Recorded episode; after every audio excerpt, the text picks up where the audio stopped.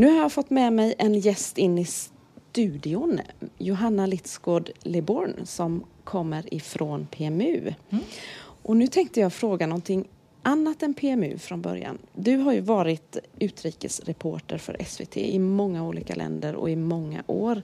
En del, alltså min man sa det igår, alltså jag kände igen hennes ansikte någonstans mm. men ja, han har sett dig på TV förmodligen. Mm. Berätta lite grann, var har du varit och ja. Eh, ja, nej, men jag eh, började en gång i tiden så pluggade jag i Washington DC och då gjorde jag praktik på rapportkontoret där. Eh, och då fick jag vara med i den delen. Då så fick jag vara med och göra lite olika inslag och sådär. Och sen efter det, så när jag kom hem så började jag snurra runt lite på olika vikariat på SVT och hamnade till slut på, eh, som utrikesreporter som det heter på Rapport och då jobbade jag en del hemifrån så då kanske man framförallt hörde, man sätter ihop mm. inslag hemma och sen så kan man höra då när man gör de här inslagen. Men då under den här perioden så fick jag också chans att göra lite dokumentärer för SVT, vilket var superkul. Och då var, var vi bland annat i Hongkong inför när det skulle bli kinesiskt, alltså lämna då den här brittiska kronkolonin och så bli kinesiskt 97. Så då var vi där och filmade för SVT och sen så något år senare så var vi i Centralafrikanska republiken och gjorde en dokumentär också. Eh, så då hade jag chans att vara ute och snurra lite grann och sen så fick jag vara eh, stringer heter det, alltså man flyttar till, flyttar till USA och så var jag och gjorde reportage för SVT från Los Angeles också. Mm. Så det var några år där som jag höll på mm. att få runt och filmade en del, vilket var superkul. Kul! Har du några särskilda minnen, förutom de här två du nämnde nu, som, eh, som du minns riktigt tydligt ifrån det arbetet? Ja, men det var väldigt speciellt att vara i Centralafrikanska republiken. Ett land eh, utpräglat av fattigdom och, och också väldigt mycket så interna stridigheter. Vi sa då att det var ett land som låg på gränsen till liksom inbördeskrig och att det var väldigt stökigt där. Och då var vi där och vi skulle filma och intervjua ungdomar för att se liksom hur, hur såg de på den här tillvaron? Vad tänkte de om framtiden och så? Eh, och då var vi bland annat, eh, då åkte vi svängde vi vänster vid en buske och så åkte vi rakt ut i djungeln i flera, flera, flera timmar mm. och hamnade i en by med eh, pygméer som bodde där. Mm. Och då bodde vi och levde med dem ett tag och det var ju jättespeciellt och väldigt spännande. Bodde ni i hydda då? Eller ja, hur? det gjorde vi. Ja, men ja. Det är en sån här grej man har tänkt ända sedan man var liten. Undrar när man ska få bo i en hydda. Ja, ja.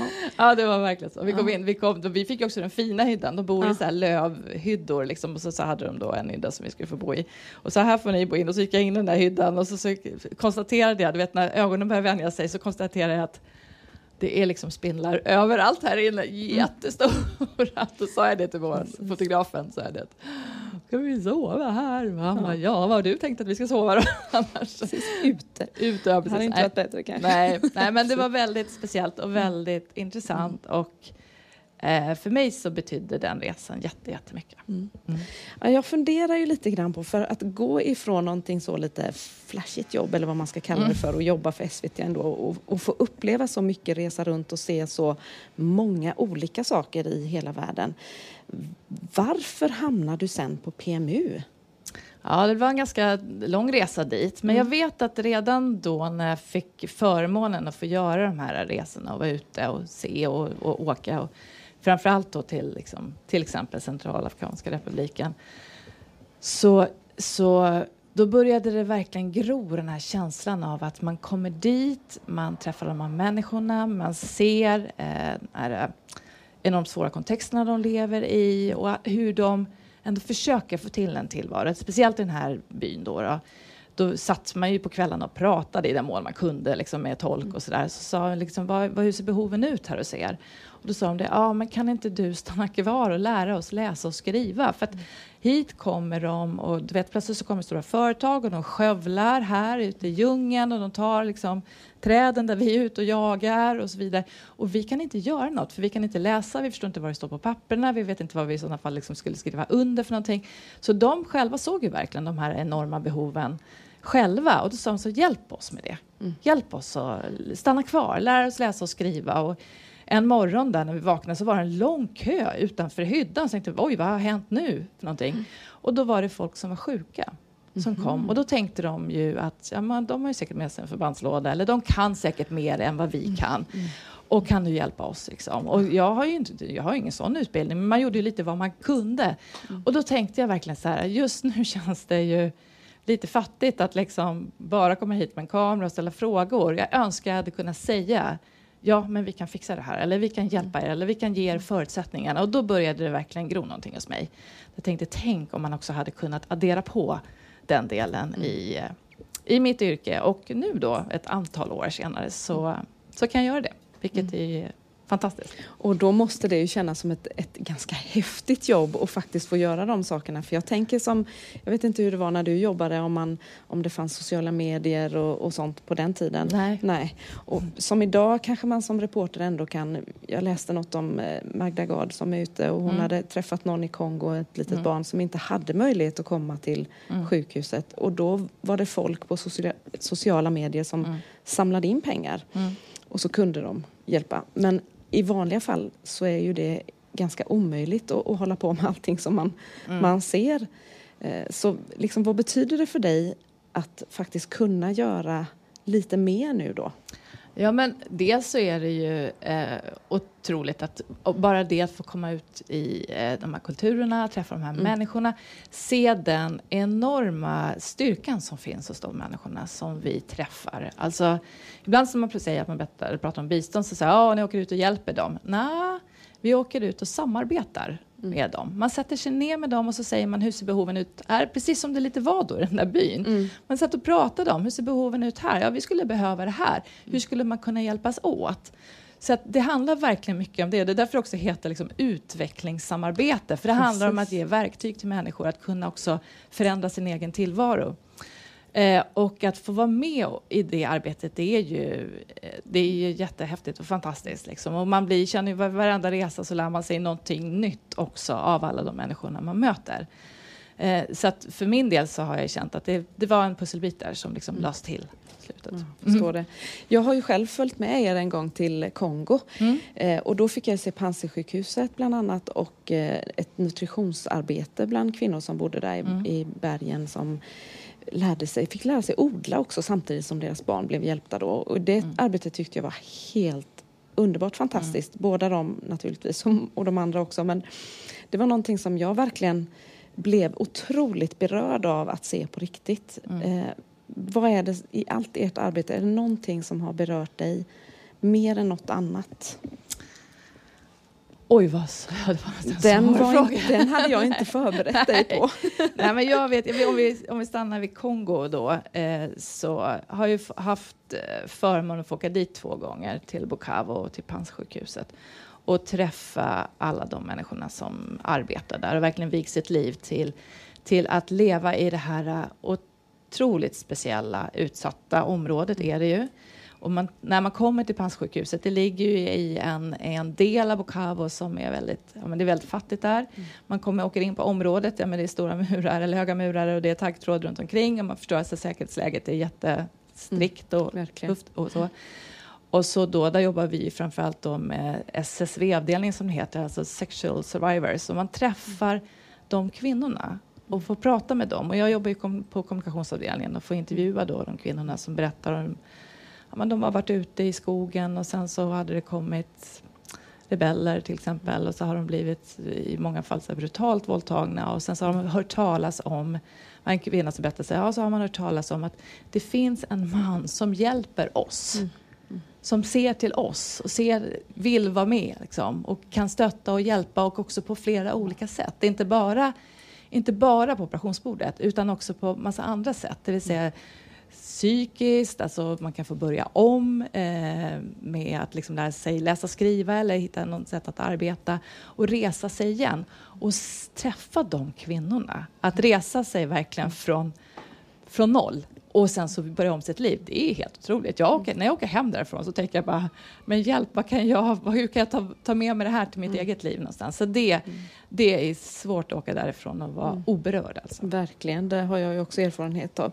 Det tog flera veckor för mig innan jag ens kunde säga någonting om det, för det var så berörande så att jag grät och nu kommer tårarna igen mm. när jag tänker på det. Trots att det är flera år sedan så otroligt berörande mm. att se dessa kvinnor och deras kärlek till livet och till mm. att hjälpa andra människor också. Mm. Otroligt alltså. Ja. Vi pratar ju om PMU, Pingstmissionens utvecklingssamarbete och Johanna Litzgård Liborn är här tillsammans med mig i studion. Eh, finns det någonting man kan göra här hemifrån och gör det skillnad? Alltså är det mycket av pengarna som man skänker som går till administration till exempel? Jag tror att man, mm. man undrar lite grann mm. där hemma med eh, när man skänker till sådana här organisationer. Ja, och det är ju en, en, det är en bra fråga, absolut. Det tycker jag, så det ska man undra eh, såklart. Så det ska jag säga det att att det gör skillnad, absolut, det gör det ju. Eh, det ser ju jag hela tiden i mitt arbete. Vi är ju i en förtroendebransch. Liksom. Jag menar, skulle det inte göra skillnad, då skulle inte folk ge några pengar. Så, så är det verkligen. Sen går det lite grann till administrativa kostnader och det finns ju en regel, alltså har man 90-konto så är ju regeln att 25 procent får gå till det. I vårt fall så ligger det betydligt lägre. Vi kan ligga på ungefär 11-12 någonstans ungefär mm. när det gäller procenten då på, kring admin. Eh, vi brukar säga lite så här när man får den frågan, varför kan inte allt gå till liksom, hjälpande? Ja, det skulle vara lite som att ha en hundralapp och liksom skicka ut den genom fönstret. Mm. Och så får man hoppas att den landar någonstans där den ska landa. Och det hör ni ju själva att det inte alltid är så bra. Så Utan där behöver vi, just i vårt fall också, för vi, vi har också, jobbar ju mycket med Sida-pengar och så, eh, att vi behöver rapportera tillbaka. Varenda krona ska rapporteras tillbaka. Det, man måste se hela linjen. Liksom. Vart går den? Gick det till det vi sa? Är det, och ibland kan det ju vara så att man kommer ut någonstans så kan det är ju inte alltid de som skriker högst som verkligen mm. behöver det mest. Och där är det fantastiskt att ha samarbetspartner på plats. Alltså vi jobbar ju mycket med kyrkor eller kristna organisationer på plats mm. i ett land för att de är födda och uppvuxna där, de kan kulturen de vet var behoven är någonstans. De har själva liksom gått in och analyserat. Så de, de hjälper ju till jättemycket. De är med och skriver fram projekten och säger precis det. Ja, det här, de här kanske ropar högt, men de, de där borta, de mm. behöver det verkligen. Mm. Och så kan vi se då att ja, men där, där kan man gå in och liksom stötta och hjälpa på olika sätt. Då, Och sen rapportera tillbaka och verkligen se att det blev då den där brunnen till exempel, den grävdes eller mm. barnen fick lära sig läsa och skriva och så vidare. Precis. Och hur gör man då här hemma när man vill ge någonting till PMU nu i något var hittar man informationen? Ja, det lättaste är väl att gå hem, in på hemsidan, pmu.se. Mm. Där kan man gå in och läsa om på olika sätt att ge, liksom, och man kan läsa på om våra projekt. Gärna höra av sig till oss om man har frågor kring det, var vi jobbar någonstans. Vi jobbar i 28 länder. Om det är något land som man brinner extra mycket för eller någon typ av någon typ av projekt. Vissa säger så men jag liksom brinner för barn och utbildning. Eller någon säger ja, men jag är vård, för jag själv jobbar inom vården till exempel. Och så, här. så kan man också se lite vartåt, vad, vad man själv brinner för. Mm. Liksom. Så det är bara att höra av sig. Mm. Så pmu.se, där hittar man all mm. kontaktinformation också. Absolut. Du, det, är, händer ju, det har ju hänt så otroligt mycket i världen de senaste halvåret, mm. ja innan dess också, men det senaste halvåret så har ju varit väldigt mycket fokus på Ukraina mm. och det som händer där. Vad gör ni inom PMU när det gäller Ukraina och det arbetet? Vad de behöver alltså? Ja, precis. Nej, mm. men det, det var ju verkligen så. Det var ju från en dag till en annan så hände det som man inte trodde skulle ske. Eh, plötsligt så bara okej, okay, nu, nu. Och det som hände då det var att, att direkt så började ut våra telefoner gå varma. Så de så här, vad gör, vad gör ni för någonting? Vad kan vi? Kan vi vara med och stötta på olika sätt? Och så. Mm. Och vi har, inget, vi har ju inte haft något arbete nu i Ukraina eh, på länge, länge, länge. Liksom. Eh, så att vi, vi, det vi gjorde då var att vi började liksom sätta ihop, och det här, här, här kan man ju då prata om det här med att, när, att ha kyrkan som ett nätverk. Det är fantastiskt, för det finns ju redan ett nätverk klart på något vis. Mm. Dels både här i Sverige, såklart, då som börjar säga vad kan vi göra, kan vi hjälpa till och stötta, men också i Ukraina och börja se då vilka kontakter som fanns och se vad de gjorde för någonting och hur kunde vi vara med och stötta och hjälpa på bästa sätt. Så då började det dra sig de kontakterna. Så det finns ju en grupp som jobbar nu med Ukraina för att titta på vart var behoven behövs någonstans, var, hur kan vi vara med och stötta på bästa sätt. Och så tryckte vi på knapp på en gång och sa så här, men nu börjar vi samla in pengar och så började vi göra det då. Mm. Och så har man sen börjat se vart, vart, vart behöver det. Och det har ju både varit inne i Ukraina som man tittar och sen så utanför länderna runt omkring när många människor började fly. Liksom. Mm. Ha, vad har ni fått göra till exempel för olika insatser? Ja, men det har varit lite allt möjligt. Dels så jobbar vi eh, tillsammans med en organisation som är på plats inne i Ukraina. Vi får vara lite försiktiga ibland med att säga vilka, vad mm. de heter och så här för deras säkerhets skull. Ja, det är förstår. så. Mm. Eh, som är på plats, hjälper till med en hel del vård bland annat. Jag har också varit med och hjälpt till med kyrkor som har behövt liksom plocka fram. Som, det var en, en pastor som jag pratade med eh, bara någon vecka efter när de hade börjat dra igång så, så pratade jag med honom och sa hur, vad händer hos er?